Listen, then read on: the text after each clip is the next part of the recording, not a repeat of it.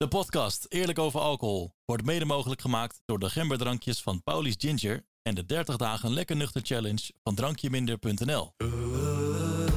Ik ben Koos en dit is mijn podcast Eerlijk over alcohol, waarin ik praat met mensen die zijn gestopt met het drinken van alcohol of in ieder geval een stuk minder zijn gaan drinken. Bij elke gelegenheid werd er gedronken. En dan doe je toch altijd mee. Als mijn vrouw er twee op heb, dan heb ik er al vijf op. En dan komen we thuis en dan ga ik ook gewoon door. Op 16 september 2017 werd ik voor de allerlaatste keer dronken. Stom dronken. Zoals bijna elk weekend. Ik besloot hulp te zoeken, want de slogan alcohol maakt meer kapot dan je lief is, werd voor mij werkelijkheid. Dat, dat feest met Patty Bart intrigeert me. Eh, wat gebeurde er waardoor je weg werd gestuurd Patty? Dat weet ik dus eigenlijk niet meer. Ik weet nog dat ik op het toilet, mijn collega's kwamen naar me toe en die zeiden: Koos, dat weet ik nog. Ik denk dat het handiger is en slimmer is als je naar huis gaat. Want dit is echt, eh, je bent gewoon te druk. Sinds ik niet meer drink, is mijn leven veranderd in een 3D-film. Ik ervaar meer, ik voel meer, ik geniet meer en dat gevoel gun ik iedereen. En daarom ben ik deze podcast begonnen. In deze aflevering praat ik met acteur Kevin Hassing. Hij speelde rollen in verschillende toneelstukken en tv-series, waaronder Goede Tijden, Slechte Tijden. Ondertussen ontwikkelde hij een flinke alcoholverslaving en dronk hij meer dan 10 glazen per dag. In 2019 besluit hij te stoppen omdat hij te vaak te veel dronk. Nu maakt hij succesvolle kinderboeken en geeft hij voorlichting over de gevaren en gevolgen van het drinken van alcohol. Kevin, hoe lang ben je nou nuchter? Bijna drie jaar. In de 7 december ben ik drie jaar nuchter. Dus 6 december was 7 december was de, laatste, was de eerste dag dat ik niet meer dronk in 2019. Dan ben ik heel erg benieuwd. Wat gebeurde er op die 6 december? Ja, heel veel. Alles kan je eigenlijk Oh, zeggen. vertel. Eh, op 6 december was ik net een week thuis met een burn-out. Ben ik uit een voorstelling gestapt waar ik zelf de verantwoordelijkheid voor een deel voor droeg, die ik niet trok. Eigenlijk, mentaal en fysiek eigenlijk ook niet meer. Op 6 december had ik eh, al een paar weken elke dag gedronken vanaf een uur of één 's middags. Dus was ik ook een overdag-drinker op 6 december. En ik zat thuis eh, zwaar overspannen en ik ehm, was al naar de huisarts geweest. Die had me antidepressiva voorgeschreven omdat ik heel bang was voor van alles. En ik was blij met de keuze om niet meer te werken, maar ik was nog wel ontzettend onder spanning en heel erg verslaafd. Dus eh, ik dronk nog heel veel. En die dag eh, had ik na een week besloten om weer naar de slijterij te gaan. Om weer wat te kopen. Want ik heb een week lang alles opgedronken wat er nog thuis stond. Want dan heb ik het in ieder geval niet gekocht. Was mijn soort van motivatie. Maar die 6 december had ik heel veel trek in wodka. Dat was een soort van mijn drankje wat ik op een gegeven moment veel en vaak dronk. En ik had er zin in. Toen ben ik naar de slijterij gegaan om vier uur middags. Toen ben ik om zes uur gaan koken voor mijn vriend. Eh, pasta met een rode saus, ik weet hem nog. Ik proef hem bijna nog. Maar tijdens het koken, eh, waar ik het lang over deed, heb ik, denk drie vierde van die fles wodka opgedronken. Eh, en toen ging ik zitten, zet ik het eten neer op tafel. En we gingen The Voice kijken. Want wij kijken graag televisie tijdens het eten op de bank. Ik zet het eten neer en ik zei, ik moet je wat vertellen. En toen dacht mijn vriend dat ik het ging uitmaken. Mijn vriend had ook erg honger, dus hij dacht, oh, ik moet dit nu, want we gaan nu eten. En toen zei ik, ik heb een probleem, ik ben alcoholist, of ik ben verslaafd en ik moet opgenomen worden in Zuid-Afrika, zei ik. Want dat kende ik van programma's. Daar ga je heen als je alcoholist bent. Daar word je goed geholpen. Eh, en toen schrok hij zich helemaal wezenloos. Hoewel hij wel de enige was die wist dat ik een probleem had. Maar dat het zo groot was, wist ook hij niet. En dat was het moment dat het gewoon knapte. Dat de, de bal niet meer hoog kon houden. Dus die viel op de grond. Ik viel letterlijk in zijn armen huilend. Ik heb een uur gehuild. Ik heb dingen geroepen die ik me niet meer kan herinneren. Je moet bij me weg. Je verdient dit niet. Eh, dat weet ik dus niet meer. Maar dat heb ik dus geroepen in de paniek en het verdriet. Toen heeft mijn vriend een goede vriendin gebeld. Haar man is psychotherapeut. Ze zei, dit is er nu aan de hand, wat moet ik doen? Die was eigenlijk ook in paniek daardoor. Nou ja, als hij, eh, is hij suicidaal? Oh, ik heb het nog nooit zo levendig dat hele moment eh, herverteld. Meestal doe ik een hele korte versie. Nu raakt het me opeens weer. Is hij suicidaal? Nee, volgens mij niet. Nou, als het echt niet gaat, neem hem mee naar de huisartsenpost.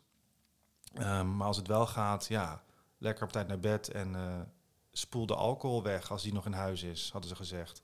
Dat vond ik ook een goed idee. Dus dan heeft die vodkafles in de keuken, ik zie hem ook nog staan, leeg gegooid in de wasbak. Iets wat tot dan toe vijf jaar lang ondenkbaar voor me was dat iemand dat zou doen. Toen ben ik naar bed gegaan en uh, de volgende dag mijn leven begonnen zonder alcohol. En me aangemeld bij de Jelinek. Er waren inmiddels feestdagen en het was wat drukker, dus ik moest twee maanden wachten op mijn intakegesprek. Dat is nu niet zo, dat moet ik er wel even bij zeggen. Dat is vaak wat je veel eerder geholpen nu. Het was, kwam zo uit helaas.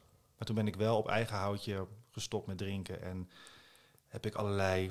Ja, je hebt op de site van Jelinek een soort tool die je wat vragen stelt elke dag. En die een beetje motiveert. Dus ik was er wel al fysiek mee bezig op die manier. En omdat ik ook begon met antidepressiva, kreeg ik hele rare symptomen. Als je begint met antidepressiva, gebeurt er van alles in je hoofd en in je lijf. Maar stoppen met drinken doet dat ook. Dus ik weet tot de dag van vandaag niet wat ik toen voelde die eerste weken, waar daar de oorzaak van ligt. Of dat die pillen was of het nuchter worden. Ik zat op een roze wolk. En, um, maar ik werd ook natuurlijk in mijn angsten gedempt door medicatie. Dus dat helpt ook om weer een beetje vrolijker in het leven te staan. Toen had ik eindelijk mijn intake voor de Jellinek. Toen was ik al twee maanden nuchter. Maar net een week voordat ik die intake had, um, gebeurde er iets uh, ik had namelijk bij de huisarts mijn bloed laten prikken om te kijken of alles gewoon wel in orde is. Want dat doen ja. ze met iemand die helemaal instort en aankomt en zegt dit gaat niet goed. Maar een van mijn angsten was, nu niet meer, uh, hypochondrie, dus ziekteangst. Dus ik was altijd bang dat ik iets vreselijks had. In die fase, toen ik net stopte, dacht ik dat ik darmkanker had. En als je heel veel drinkt, tenminste bij mij, dat is heel slecht voor je spijsvertering, voor je maag, voor je darm. Ja. Dus je hebt pijntjes, je hebt last uh, van binnen. Ik zag dat als iets veel ernstigers. En om dat te controleren of dat echt zo was, ging ik dwangmatig drukken op mijn buik. Om te voelen waar de pijn dan zat. Zit het er nog steeds? Nee, oh gelukkig. Jawel, ik, ik voel hier pijn. En uiteindelijk kwam ik bij de dokter van Jelinek en die deed mijn shirt omhoog. En toen had ik over de hele, uh, ja, de hele plek waar mijn dikke darm loopt, had ik blauwe plekken van het duwen. Maar goed, dus ik, een week voordat ik naar de Jelinek ging, kon ik, kreeg ik een mailtje van de huisarts. Bloedresultaten zijn binnen. Je kan ze hier zelf inzien op je patiëntenportaal. Dat is voor iemand met hypochondrie echt een heel slecht idee dat je zelf je bloedresultaten kan inzien zonder arts erbij. Maar ik ging dat wel doen. En toen zag ik dat alles in principe goed was, behalve mijn leverwaarden. Die waren ook rood gekleurd. En er stond een getal achter wat mij niks zei. Maar daaronder stond nog leverwaarde niet goed, contact opnemen met patiënt. Oké. Toen raakte ik helemaal in paniek. Ja. Uh, echt stress. Echt gewoon, uh, nou ja, volle paniek. En toen een vriendin gebeld, die is gekomen, huisarts gebeld, die zei, oh, het valt allemaal wel mee. Nou, toen was ik wel wat rustiger, maar die spanning in mijn lijf, die ging niet weg. Toen ging ik hardlopen.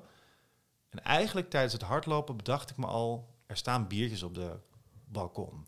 Als ik thuis kom en ik neem er twee of zo, dan is dit gevoel echt weg. Dat had ik mezelf aangeleerd en het was ook zo. En ik kwam thuis en ik heb die biertjes gepakt. En ik had toen dus een uitgeleider. Ik heb toen wel gelijk gezegd tegen een vriendin, gebeld, gezegd: Ik uh, ben nu dit aan het doen. Ik ben aan het drinken. Oké. En zij gaf de perfecte reactie, waarvan ik hoop dat ze ze nog steeds kan geven als het zover is. Oké, jammer, maar kan. Kan je stoppen nu? Zou je nu het biertje wat je nu hebt weg kunnen doen en alles weg kunnen doen? Ik zei, ja, volgens mij kan dat wel. Oké, doe maar. Oké, en wat is er aan de hand? Want dat je drinkt wil zeggen dat er iets aan de hand is. Nou ja, toen kwam ik daaruit. En een week later zat ik op het kantoor van de Jelinek. En werd ik eigenlijk uh, ja, ondervraagd over hoe het met me zat. En ging ik behandeling in. En dat is het laatste moment dat ik gedronken heb. Ja. Bizar eigenlijk, hè? Dat je je heel erg zorgen maakt of je een, een ernstige ziekte hebt. Daar word je heel erg gestrest van. Ja. En daar ga je van drinken. En daar ga je dan van drinken. En van drinken krijg je hele ernstige ziektes. Ja, en ook nog ja. je lever ook nog. Ja, ja, het is een, ja, het is een, dat zegt klassieke over, spiraal, ja, een cirkel. Het zegt iets over de waanzin van alcohol en alcoholverslaving. Ja. Straks het vervolg van dit gesprek. Maar nu eerst, in 30 seconden, de Paulies Ginger Mocktail Tip. Dit is de Paulies Golden Milk. Golden Milk is een drankje oorspronkelijk uit India. Het wordt geroemd vanwege de gezonde ingrediënten van kurkuma, gember en kaneel. Het drankje is rijk aan antioxidanten en ontstekingsremmende eigenschappen. Wat heb je hiervoor nodig? Pauli's ginger kurkuma, kokos of amandelmelk, een kaneelstokje en zwarte peper. Hoe maak je het? Schenk 200 ml plantaardige melk in een pannetje. Voeg 50 ml Pauli's ginger kurkuma toe. Laat het geheel op zacht vuur warm worden. Schenk het in een gezellige mok. Voeg nog een kaneelstokje en zwarte peper toe. En dan is het heerlijk genieten. Ben jij een alcoholist? Nee, ik was het. Ik ben nu voormalig alcoholist, voormalig verslaafde. Maar ik ben nu geen alcoholist. Zo voel ik me ook niet. Nee. Ik was het zeker. Zo voelde ik me ook. Ja. Hoe hou je het vol? Door in mijn hoofd heel duidelijk op een rijtje te hebben wat ik op het spel zet als ik het niet volhoud. Ehm, ik geef elke paar weken bij de Jellinek nu voorlichting aan de groep die in behandeling is. Om ze een soort klein kijkje in de toekomst te geven van hoe gaat het met iemand die drie jaar verder is. En dan vertel ik ook altijd wat mij nu nog nuchter houdt, is het idee dat als ik weer begin met drinken, ik heel veel op het spel zet en waarschijnlijk heel veel verlies. Dus mijn relatie verlies ik. Ik verlies mijn mentale stabiliteit. Mijn gezondheid gaat waarschijnlijk klappen krijgen. Portemonnee gaat klappen krijgen. En het belangrijkste, mijn afhankelijke, onafhankelijke leven ga ik op, ga ik op het spel zetten. Ja.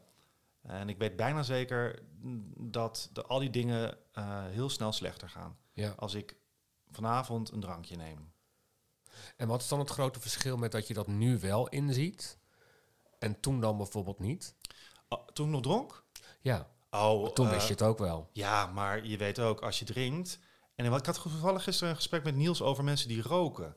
En eh, we moeten niet alles onder dezelfde categorie scharen, maar het is een verslaving. En elke verslaving is een egoïstische aandoening.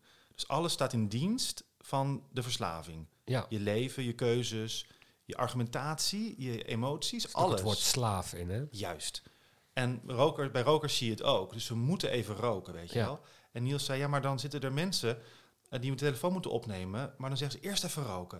Ik denk, ja, dus dat is dus belangrijker. Ja, maar ik zei tegen Niels, alles is op dat moment belangrijker. Of Ja. minder belangrijk dan roken. Dus bij mij was drinken het allerbelangrijkste op een dag. Daar werd de dag omheen gebouwd. Alle argumenten die ik nu weet, die zet je opzij. Die duwde ik weg. Ja, ik, ik zet iets op het spel en ik word er niet... Ik word er, maar zolang je het doet, blijft dat het hoogste eh, wat, je, wat je moet doen. Het, het belangrijkste wat je moet doen. Zodra je het niet meer doet... Ja, het- bij mij is het echt zo'n kantelpunt geweest. Bij jou volgens mij ook. Er komt een moment dat je alle argumenten die je weet... opeens naar voren zet. Ja, Opeens 180 graden switcht het. Je erkent het. Ik heb een probleem. Dan kan je twee dingen doen. Of ik ga verder met dat probleem... of ik ga stoppen met dat probleem. Maar het een, het is een harde lijn, was dat bij mij. En toen werd alles opeens in het juiste perspectief geplaatst. Hoe zou jij het stoppen met, eh, met het drinken van alcohol willen omschrijven? Is het je makkelijk afgegaan? Is het een hobbelige weg geweest? Ehm, Het is ehm, dankzij de hulp die ik kreeg bij de Jellinek in het begin heel goed gegaan en eigenlijk wel goed gebleven. Ehm, ik was er klaar mee. En ik eh, wist ook al vrij zeker dat ik niet gematigd zou kunnen drinken in de toekomst. Dat weet ik nog steeds, 100, dat weet ik eigenlijk heel erg zeker. Dus dat is heel helder, een heel helder beeld wat ik voor ogen had, waar ik, wat ik wilde nastreven. En dat ging eigenlijk wel heel goed. Ehm, ik denk de moeilijkste dingen die ik nog steeds vind zijn bijvoorbeeld sociale situaties, vakanties, momenten waarop leg eens uit, wat is daar moeilijk aan? eh, het zien van mensen die drinken vind ik nog steeds prikkelend. Kan er heel goed mee omgaan, maar het, het, is wel, het zijn wel prikkels die iets met me doen. Maken me een klein beetje zenuwachtig soms om ergens naartoe te gaan. Of, ehm, dus ik denk dat ik dat, dat nog wel lastig vind. En ik vind het lastig dat ik. ehm, het was wel echt een hele makkelijke manier om heel snel niks meer te voelen.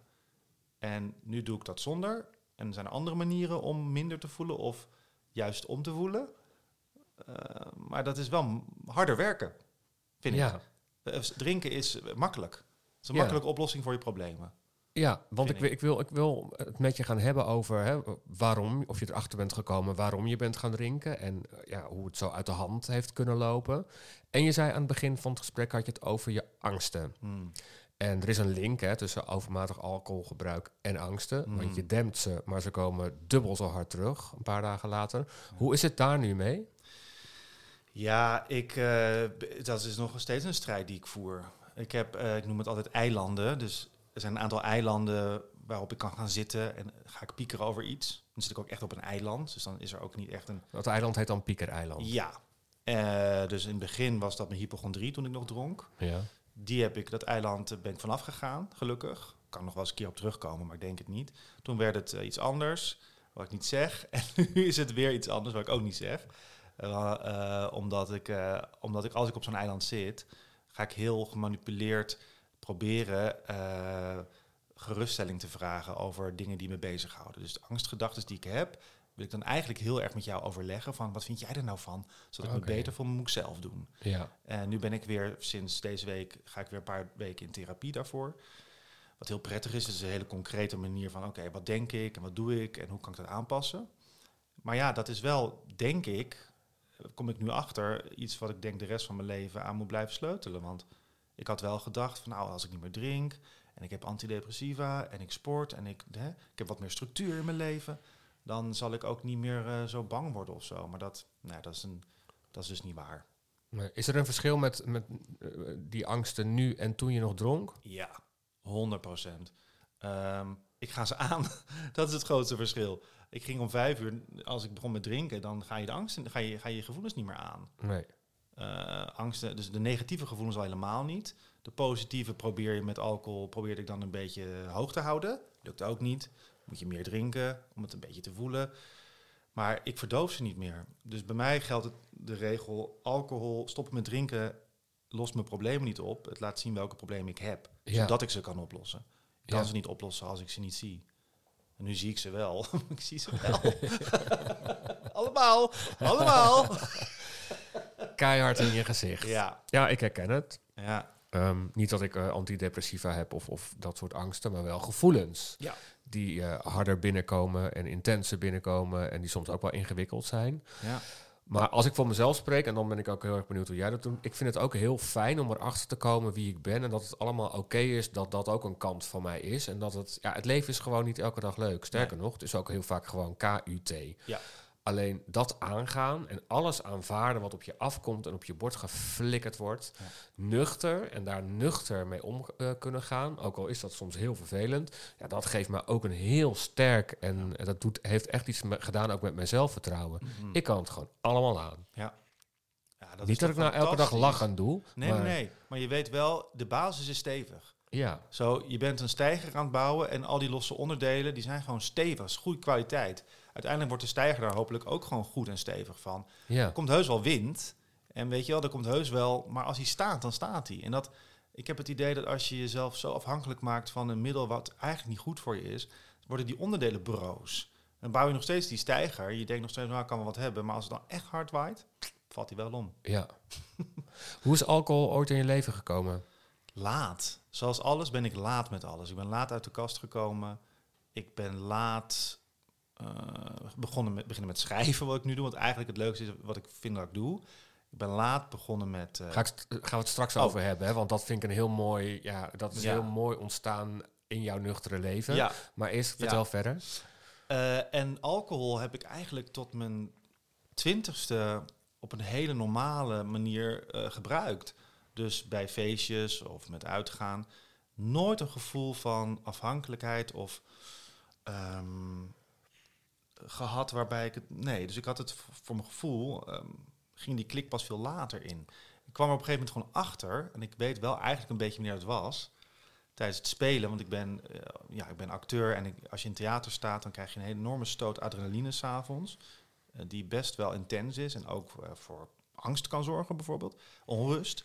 Ik merkte gewoon, drinken na een voorstelling was de perfecte manier om dat randje eraf te halen. Om de high van spelen in stand te houden, maar niet meer dat hele opgefokte en onrustige. En dat is denk ik waarom heel veel acteurs drinken. Het is gewoon een goede remedie om die adrenaline een beetje te temperen. En toen ben ik ja, tijdens een bepaalde voorstelling... Ik weet nog wel, ik realiseerde me dat het gebeurde. Ben ik elke dag na de voorstelling gaan drinken. Dat was het moment dat ik eigenlijk, denk ik, afhankelijk werd. Vijf jaar geleden. Nee, ik heb vijf jaar acht jaar geleden. Acht jaar geleden begon ik, denk ik, tijdens een bepaalde voorstelling... met bepaalde mensen die ook zo een beetje in de wedstrijd stonden... afhankelijk geworden van s'avonds dat doen. En toen is het eigenlijk sindsdien, denk ik, heb ik geen dag niet meer gedronken. Elke dag gedronken. En hoe zag dat er dan uit? Hoe laat begon je? Heel lang op een schappelijke tijd bij het koken. Ik hou van koken. Het was ook een goed argument om de fles open te trekken. Tijdens het koken in de keuken ben je alleen en het hoort erbij. Dus daar kon ik al zo mezelf in vinden van dat is oké. En dan uh, de hele avond door. En als ik speelde in een voorstelling, dan wel één of twee wijntjes bij het eten, dan even niet. Want je moet nuchter zijn als je. Nou, dat was je natuurlijk al lang niet meer met twee wijntjes. En daarna uh, inhalen. En dan ging ik van wijn of bier. En om tien uur dan ging ik over op uh, wodka, pure wodka. Echt grote glazen pure wodka. Want dat was relatief goedkoop, sterk. Dus het, ging, het geeft snel het effect wat ik zocht. Die ontspanning zocht ik. En die het ach, gevoel van loslaten en relaxed. En, um, en je, ja, ik had ergens gelezen dat je kater er minder van wordt of zo. Dus ik dacht, nou, dan moet ik wodka hebben. Dat is allemaal niet waar natuurlijk. Maar daar, uh, dat was op een gegeven moment mijn, mijn middel. Uh, en toen de laatste weken van mijn verslaving dronk ik ook overdag. En heb ik echt... Uh, Vanaf ochtends of middags? Ja, ja ik, ik, we hadden een avondschema. dus wij speelden s'avonds uh, in het land. Dus ik kon uitslapen, maar ik merkte de laatste paar weken... kon ik eigenlijk werd ik altijd wakker met zoveel spanning en angst... dat ik uh, ja, alvast even een slokje nam, ja, vodka.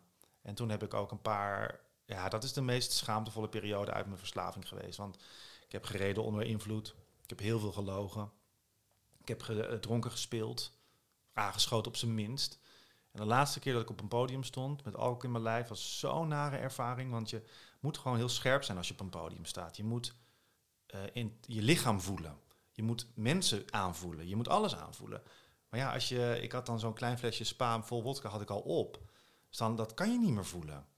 Um, en toen raakte ik, en dat, dat is echt afschuwelijk, raakte ik gederealiseerd. Dus dan dat is het gevoel als je opeens het gevoel hebt van, ben ik hier wel? Oh. Het voelt alsof ik er niet ben. Ik zie mezelf zitten en ik zie mezelf praten, maar ik, ik ben niet in mijn lijf of zo. Oh ja. En dat, kan, dat duurt vaak heel kort, het is vaak een raar momentje, maar het duurde bij mij gewoon de hele voorstelling lang. Was anderhalf uur was ik daar. Oh, op die rare plek. een soort déjà vu, maar dan ja, zo'n soort ja, ja, ervaring. Ja, zo'n soort nare ervaring. En maar dan heel lang. Anderhalf uur. Oh. Ja, was vreselijk. Ik heb er echt doorheen gevochten en we hadden de voorstelling al vaak gespeeld, dus ik kon heel goed op de automatische piloot en ik liep af. En ik zei tegen mijn beste vriend met wie ik speelde, Pepijn Schoneveld, ik zei, ik was anderhalf uur gederealiseerd. Hè? Ik heb je nog nooit zo goed zien spelen. Oh. Zei, nou ja, ik was er niet. Ik heb maar heel erg gedaan alsof ik er was. En daarna ben ik in huilen uitgebarsten. En een paar dagen later uh, belde ik hem op en zei ik, ik kan dit niet meer. Ik moet, ik moet stoppen met van alles. Maar ook maar eerst met spelen, want dat, dat gaat nu niet meer. Oh, dat was echt afschuwelijk, ja. ja. Maar ja, je bent gewoon, je lichaam is gewoon ja, vergiftigd je hoofd en je lijf zijn vergiftigd. Dus je helderheid is het eerste wat sneuvelt bij een verslaving, volgens mij. En dus ook alles zien wat je van weet. Je vroeg aan mij van al die argumenten die je nu weet, die zie je dan niet. Die zag ik toen niet. Want je, de helderheid is weg. Alles staat in de dienst van gebruiken. Dus. Maar nu denk ik echt, ja, natuurlijk was ik gederealiseerd. Ik had al heel veel wodka op en ik was overspannen. Je kan beter uh, thee drinken en veel slapen als je je zo voelt. Maar nu weet ik dat. Speel je nu nog? Bijna niet meer. En ik, ik, ik, ik, ik heb het ook niet meer als, als doel in mijn leven. Ik heb dat heel lang wel gewild. Maar zo zijn we op de toneelschool ook geprogrammeerd. Je moet theater maken en toneel. En dat is het hoogst haalbare. En dat vind ik eigenlijk helemaal niet meer. En dat is wel een verademing. Denk, ja, het heeft me eigenlijk net te veel, te weinig plezier opgeleverd en eigenlijk te veel gekost. Ja. Tien jaar lang. Nou, dat wilde ik eigenlijk aan je vragen. Want als ik dit zo hoor, hè, vanaf een afstand bekijk, dan denk ik, wat, wat heb je jezelf aangedaan? Die, ja. die, enorme druk op jezelf leggen en die niet aankunnen en dan maar verdoven met alcohol om het wel aan te kunnen, om dan maar op dat toneel te kunnen staan. Dat is precies wat er gebeurd is, denk ik. En ik kan me nog herinneren, de eerste voorstelling die ik, waar ik een grote rol in had, had ik mijn eerste paniekaanval in mijn leven. Want ik zei tegen Pepijn, die kende me al vanaf de toneelschool, ik zei die angsten en zo, die heb ik toch eigenlijk pas sinds kort. Hij zei, nee hoor, je hebt het heel lang verdoofd, dus je hebt het heel lang niet gevoeld. Maar daarvoor weet ik nog, had je ook al angsten en ook al paniek over, en toch wel over spelen ook.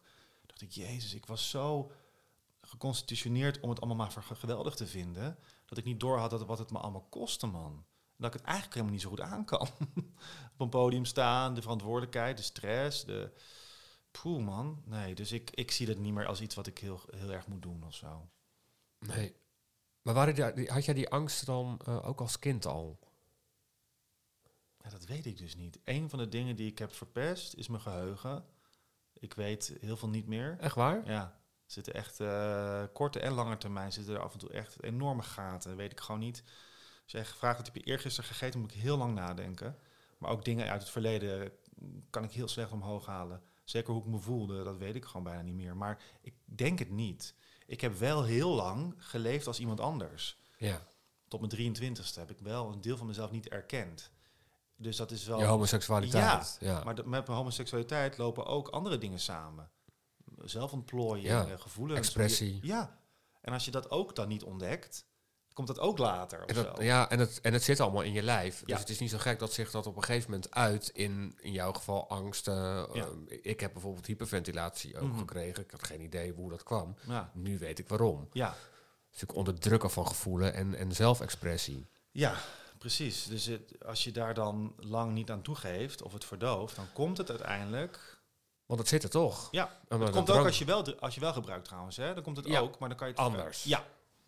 Toch? Want Dan, dan- ja, ik- kan je het. Doorleef je het niet, denk ik. Nee, je kan het weer wegduwen of zo. Ik heb heus wel ook wel heel veel angst. Ik heb heel veel angst gekend toen ik dronk, meer dan nu. Maar omdat ik, eh, wat je net al zei, als je dan s'avonds dat weer dempt, dan is het weg, lijkt het weg. En dat is dan zo waardevol dat je vergeet dat het de volgende dag een half procentje erger gaat zijn. Ja, Dus moet je een half procentje meer gebruiken om weer hetzelfde gevoel. En zo raak je dus verslaafd. Zo raak je van, van niks naar alles. In een Ja. glijdende schaal. Heeft bij mij vijf jaar geduurd, heel lang. Duurt, met alcohol duurt het denk ik vrij lang voordat je echt van niks naar alles gaat. Waar bij sigaretten of bij andere drugs bijvoorbeeld misschien veel sneller kan gaan. Bij alcohol zit er gewoon veel sluipt er langzaam in. Ja, ook hoe we naar kijken. Hè, Ja. draagt daaraan bij natuurlijk. De acceptatie en de integratie van alcohol. Ja, je bedoelt dat je aan, aan coke en op een gegeven moment bijvoorbeeld sneller verslaafd bent, eh, Ja. korter tijd nodig Ja. hebt om helemaal een addict te zijn en dat alcohol heel langzaam, tralalalala, Ja. en ineens denk je, oeh, Ik heb het nodig. ja. Ja, dat denk ik, ja. Waren er toen in die heftige tijd, hè, die je net omschreef, eh, qua dagelijks gebruik, ook al momenten dat je dacht van, dit is eigenlijk niet wat het, dit is niet goed? Ja, heel vaak. En die waren allemaal getriggerd door mijn vriend. Die zag wel wat er aan de hand was. En die, Dat is Niels, Ja. die je net ook noemde. Niels. ja. En die eh, heeft mij, eh, ik zei in het begin van het stoppen, hij heeft mijn leven gered. Zonder hem was het, maar dat is niet helemaal fair, denk ik, eh, naar mezelf toe. Maar hij, heeft, hij is wel de, reden, de grootste reden geweest dat ik ben gestopt met drinken. Als ik hem niet had, dan had ik nu nog gedronken. Dat weet ik wel zeker. Wauw. En dan was ik. mm, misschien was ik er nog, misschien was ik ook niet meer. Ik weet het niet. Het was een glijdende schaal. Ik ging hard naar beneden. Hij drinkt niet. En hij zag daardoor extra goed hoe ik, hoeveel ik wel dronk. En wat het met me deed. Vooral Ja. de blik in mijn ogen s'avonds. De, ehm, de Weet je vervelend? Ja, ik was eh, zo. Ja, voor de luisteraar gewoon een soort zombieblik. Oh, maar, niet, maar ook agressief? Nee, en dat nee ik werd nooit eh, agressief. Maar, wel, maar ik werd wel agressief als hij me op mijn verslaving wees. Oh, zo, ja. Heel erg. Dus we hebben een paar flinke ruzies gehad. Eén op vakantie, die we allebei, waar we nu nog steeds drie jaar later veel over praten samen. Omdat ik er steeds meer achter kom wat het voor hem betekende en hoe ik toen was. Hij moet me echt vertellen hoe ik het toen deed en hoe dat overkwam. Want ik zat zo in mijn, in mijn, in mijn ego, in mijn verslavingsego. Dat ik niet door had dat ik dus ehm, heel vervelend was op die momenten. En heel erg in de verdediging. En hij had mijn geheim ontdekt. En ik wilde dat niet opgeven. Kon dat niet opgeven. Nee, dit, ho- dit hoort bij mij. Ik wil dit. Dit is gewoon wat alle acteurs doen. En het valt ook allemaal wel mee. Maar hij zag dat het niet meeviel. En hij zag dat het steeds erger werd. En hij zei wel op een gegeven moment... als dit doorgaat, weet ik niet of ik verder met je kan. Nee. Nou ja, dat heeft me wel de- aan denken gezet. Aan denken gezet, maar hoe lang heeft het toen nog Ja, doorgesudderd? lang. Ja, Ja, anderhalf jaar of zo. ja. Dus uiteindelijk ben ik zelf over die rand gevallen. Maar hij gaf me wel steeds met de confrontaties een duwtje gelukkig. Van dit gaat niet goed, dit is te veel. Ik eh, maak me zorgen. Ik tel, ik tel de keren dat je naar de keuken loopt in bed. En dan hoor ik eh, dat je de wodka pakt uit de koelkast. En weet je, dat soort dingen. Als ik daar nu over nadenk, denk ik, Jezus. Ik heb, hem, ik heb bijna niemand gekwetst met mijn verslaving. Maar hem heb ik wel degelijk gekwetst. En eh, het vertrouwen gekwetst. Ik denk alleen hij. Maar misschien achteraf ook andere mensen die het gewoon niet wisten. Maar hij heeft het gewoon, hij heeft de meeste pijn van ervaren. Heb je dat helemaal eh, besproken en uitgesproken ook met ja, hem? we zijn nog bezig. dus af en toe kom- komen we er weer op. En dan blijkt er toch nog ergens een pijnpunt te zitten of iets wat ik nog niet wist. Ja, ik schaam me het meest voor al die momenten. Ja. Maar heb je hem ook wel eens bedankt voor het feit dat hij je daarop heeft gewezen en Ja. dat je er dankzij hem nog... Ja, eh, 100 oh ja, En we lief. maken er ook grappen over. ah, Dan zegt hij ook, als ik er niet was geweest, lag je al lang in de goot. ja. Ja, je hebt waarschijnlijk wel gelijk. Nee, daar maken we zeker grappen over. En onze relatie is nu... eh, in het begin zaten we, eh, net zoals met een stoppen van drinken op een roze wolk. Wij ook in de relatie, zoals je daar hebt, als je verliefd bent. En daarna gingen wij naar iets anders over. Ik ging daar naartoe, namelijk het houden van, het vertrouwen, het samen willen zijn. Hij kwam daar niet, want hij zag opeens wie ik ook was.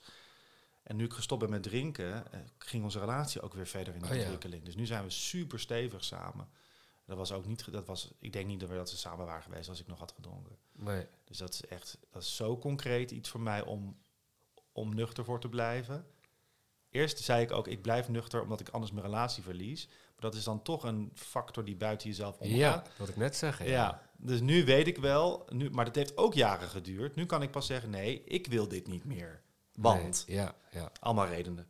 En, en ook omdat ik daar mijn relatie mee op het spel zet. Maar eerst begint begin wel bij mezelf. Maar dat, heb ik ook twee jaar over gedaan om dat te snappen of zo.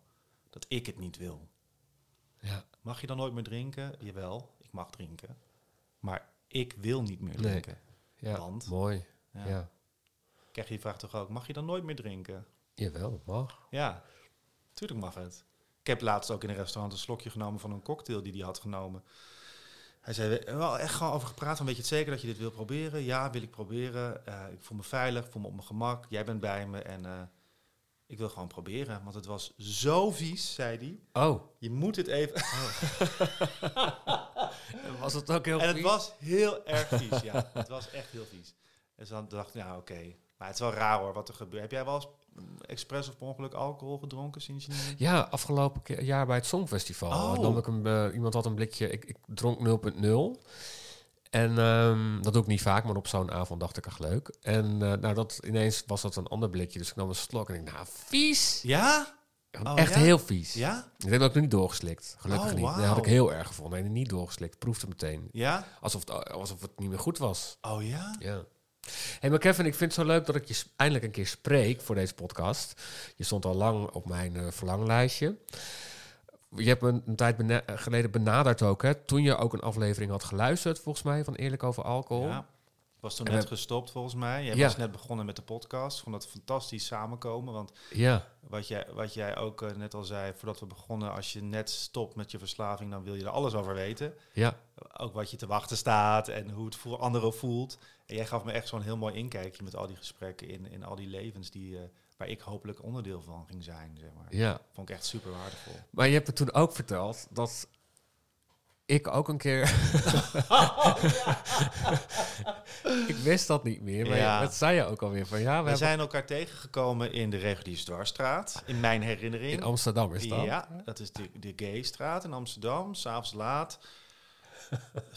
Jij was zo dronken en ik waarschijnlijk ook best wel. Ik geloof nog niet dat ik toen al eh, verslaafd was, maar ik had wel heel veel gedronken.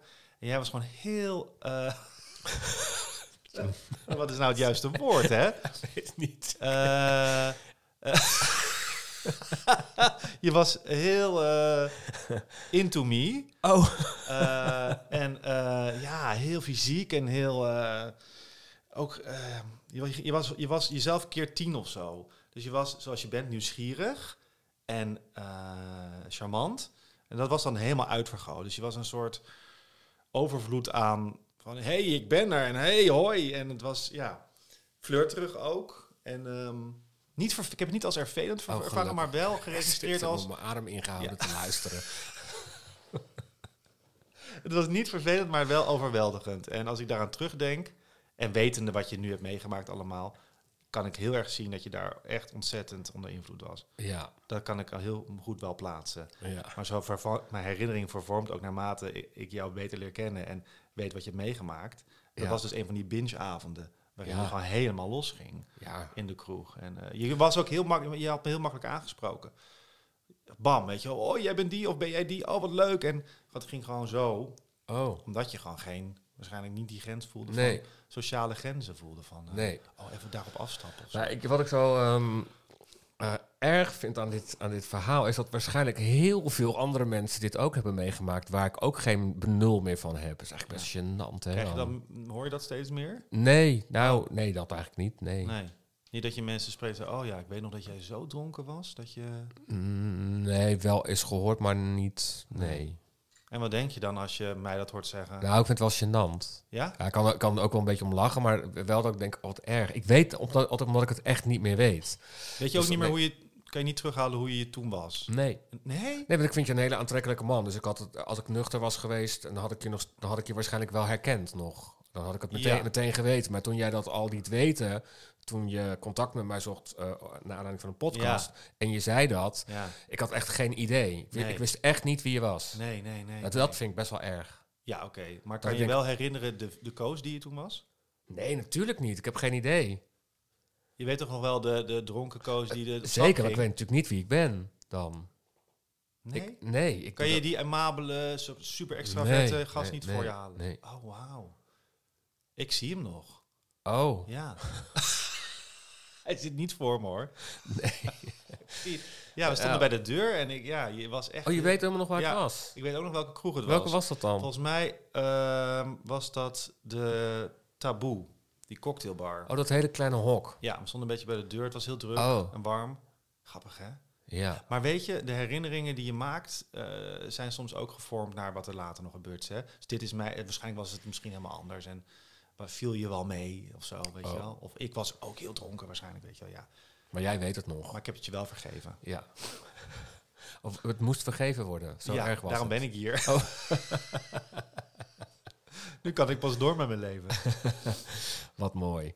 Ehm, nou, over mooie dingen gesproken. Je hebt, een, je je hebt een nieuwe talent ontwikkeld. Misschien had je het al, maar je bent boekjes gaan schrijven. En die zijn heel succesvol. En dat vind ik ontzettend leuk. En een voorbeeld van hoe, ehm, ja, hoe je in je nuchtere leven iets nieuws kan ontdekken. En daar helemaal met passie aan kan beginnen. Ja. Ja, Maar nu ik moet jij het eigenlijk eer- afmaken Het eerste boek wat ik schreef, ik heb nu drie kinderboeken geschreven, dus een serie. Eerst heb ik wel eh Kapitein, Mus en kapitein Kwaadbaard. Ja. Voor kinderen tussen 7 en 12. stoere boekjes, Ja. spannende verhalen. Boeken. Boeken. Ja. Oh ja. Het zijn flinke boeken. Maar de eerste heb ik wel onder invloed geschreven. Oh, Ja. wel toch? Ja. Oké. Ja, de eerste versie eh, heb ik onder invloed geschreven. En dat lees ik ook terug als ik wel eens een stukje teruglees. Ze, ze dronken namelijk allemaal, ze drinken allemaal heel veel in dat boek.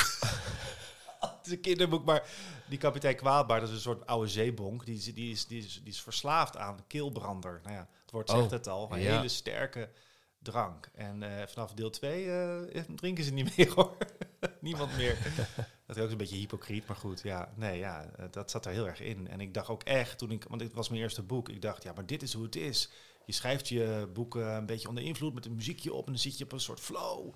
Dat kan ik toch helemaal niet nuchter? Nou, ik kan veel beter nuchter. Ja? Ja, veel scherper, veel duidelijker, eh, veel logischer. Nee, schrijven moet je niet, eh, moet je niet onder invloed doen. Want het, je, je kan het doen, maar het levert weinig op volgens mij. Niet iets wat je de volgende dag nog blij mee kan zijn. Bij mij niet. Dus dat, eh, nee. Leuk, en je bent nu bezig met weer een nieuw... eh, Ja, deel 4 heb ik gisteren de eerste versie van afgemaakt. Maar die komt pas volgend jaar november uit. Dus ik heb nu opeens best veel tijd om misschien iets anders te gaan schrijven. Oh, wow. Dus ik zit eraan te denken wat dat dan kan zijn. Het kan van alles zijn nog. Ik ben ook met een drankdagboek bezig, al drie jaar. Daar heb ik al een jaar niks in geschreven. Maar de eerste dagen heel veel. Ook al mijn eerste meetings bij de Jelinek, helemaal uitgeschreven. Maar ik wil misschien ooit een soort combinatie maken tussen een zelfhulpboek en een biografie-achtig iets. Oh ja. Over mijn verslaving en hoe, wat ik ervan geleerd heb. Hoe Ben ik ook mee bezig. Ja? Ja, En heb je daar een periode voor jezelf aan vastgeplakt? Van, ja eh, maar dat ga ik niet nu in Nee. de podcast zeggen, maar Nee. zetten. Maar dat is wel... Ja. eh, Ja, want ik zei ook toen ik net een jaar bezig was, zei ik tegen mijn literair agent, ik, ik wil dit publiceren. En zei, misschien is het goed als je dat misschien na vijf jaar of zo Ja. doet. dacht ik, wat? Nee, ik heb nu de wijsheid in pacht. Helemaal niet zo. Ehm, en pas over een paar jaar ben ik nog veel verder en kan ik zeggen, weet je, dit heb ik nu allemaal zo meegemaakt in die vijf jaar of tien jaar. Nu, Ja. nu kan ik dat misschien wel delen en is het wel nuttig misschien. ja, mooi. Maar dat, dat lijkt me ook nog wel leuk om te doen. Heb je tot slot nog een tip voor iemand die zit te luisteren en die denkt... Oei, ik herken me in dit verhaal. Maar Ja. ik weet niet waar ik moet beginnen. Nou, er is een heel duidelijk startpunt voor mij geweest. En die gun ik iedereen. Dat is gewoon hulp zoeken. Telefoon pakken en bellen. Ja, of naar de website. Nog makkelijker, nog, nog drempellozer. Ga naar de website van de Jellinek of een andere stichting of organisatie die mensen met verslaving helpen. Kijk even. En als het goed is, hebben ze heel goed overal uitgelegd wat er met je aan de hand kan zijn en wat je Ja. dan kan doen. En ik werk nog steeds voor de Jellinek met heel veel plezier, want ik had het zonder ze niet gekund. En ik denk dat het heel moeilijk is om van een verslaving af te komen zonder hulp. Ja. En podcast luisteren helpt ook. Helpt echt. Ja. Inzicht te krijgen in hoe anderen het doen. En, eh, maar het is, eh, verslaving is, ik vind, vind- vond ik echt heel, nog steeds heel intens hoor. Ja. Ik, het is iets waar je, waar, waar je hulp bij nodig hebt, denk ik. Ja, en wat ik nog even wil, wil toevoegen, ook daaraan, als de stap dan te groot is om naar een instantie toe te stappen, dan zijn er ook alcoholvrij coaches. Nou, ik ben er één van, maar er zijn, het, het- kies degene die bij je past. Ja. Want ja, dat merk ik wel. De mensen die op mij afkomen, die vinden dat dan toch nog een te grote Ah. stap. En die willen dan liever Ja. op een andere manier.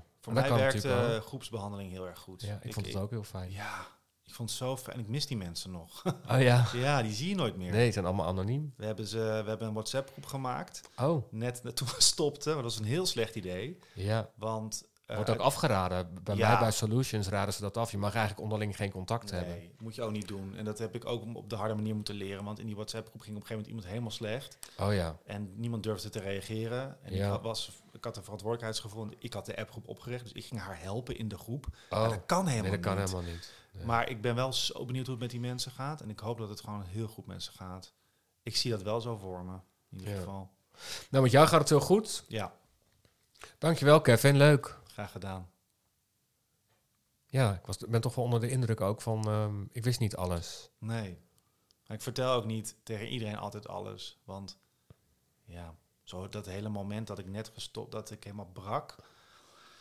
Dat is gewoon heftig. Ja, dat weet raakte je, hè, Ja, dat raakte me weer. Hoe komt dat dan? Nou, omdat ik het al drie jaar niet zo verteld heb. Oh ja. En omdat ik zoveel van mijn vriend hou. Ja. En ehm, toch best wel, wel eh, op de proef heb gesteld met mijn verslaving.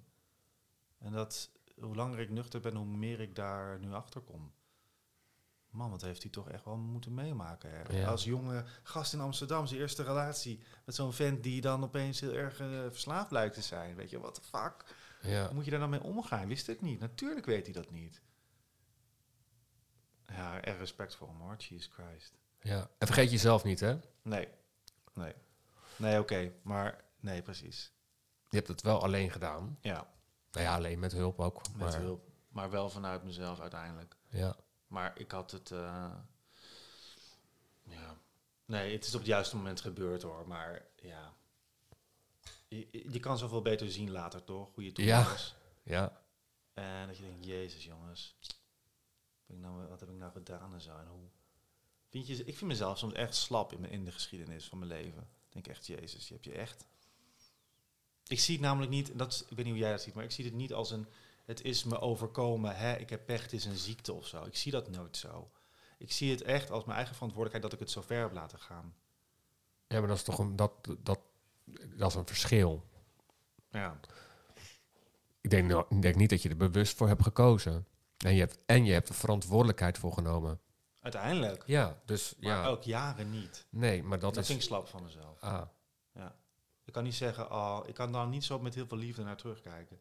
Naar de keuzes die ik toen maakte. Nee, nou, dat snap ik. Ja. Kan ik, niet, kan ik niet met respect of met... Maar het is ook niet dat je wakker werd en dat je ervoor koos om je zo te gaan gedragen. Nee. Dus het is Ja, het is ook, ook je geen bewuste keuze. ja. Het zit er tussenin dan, hè? Ja. Dankjewel voor je verhaal. Wil jij ervaren hoe het is om een tijdje niet te drinken? Meld je dan aan voor de 30 dagen lekker nuchter challenge op drankjeminder.nl.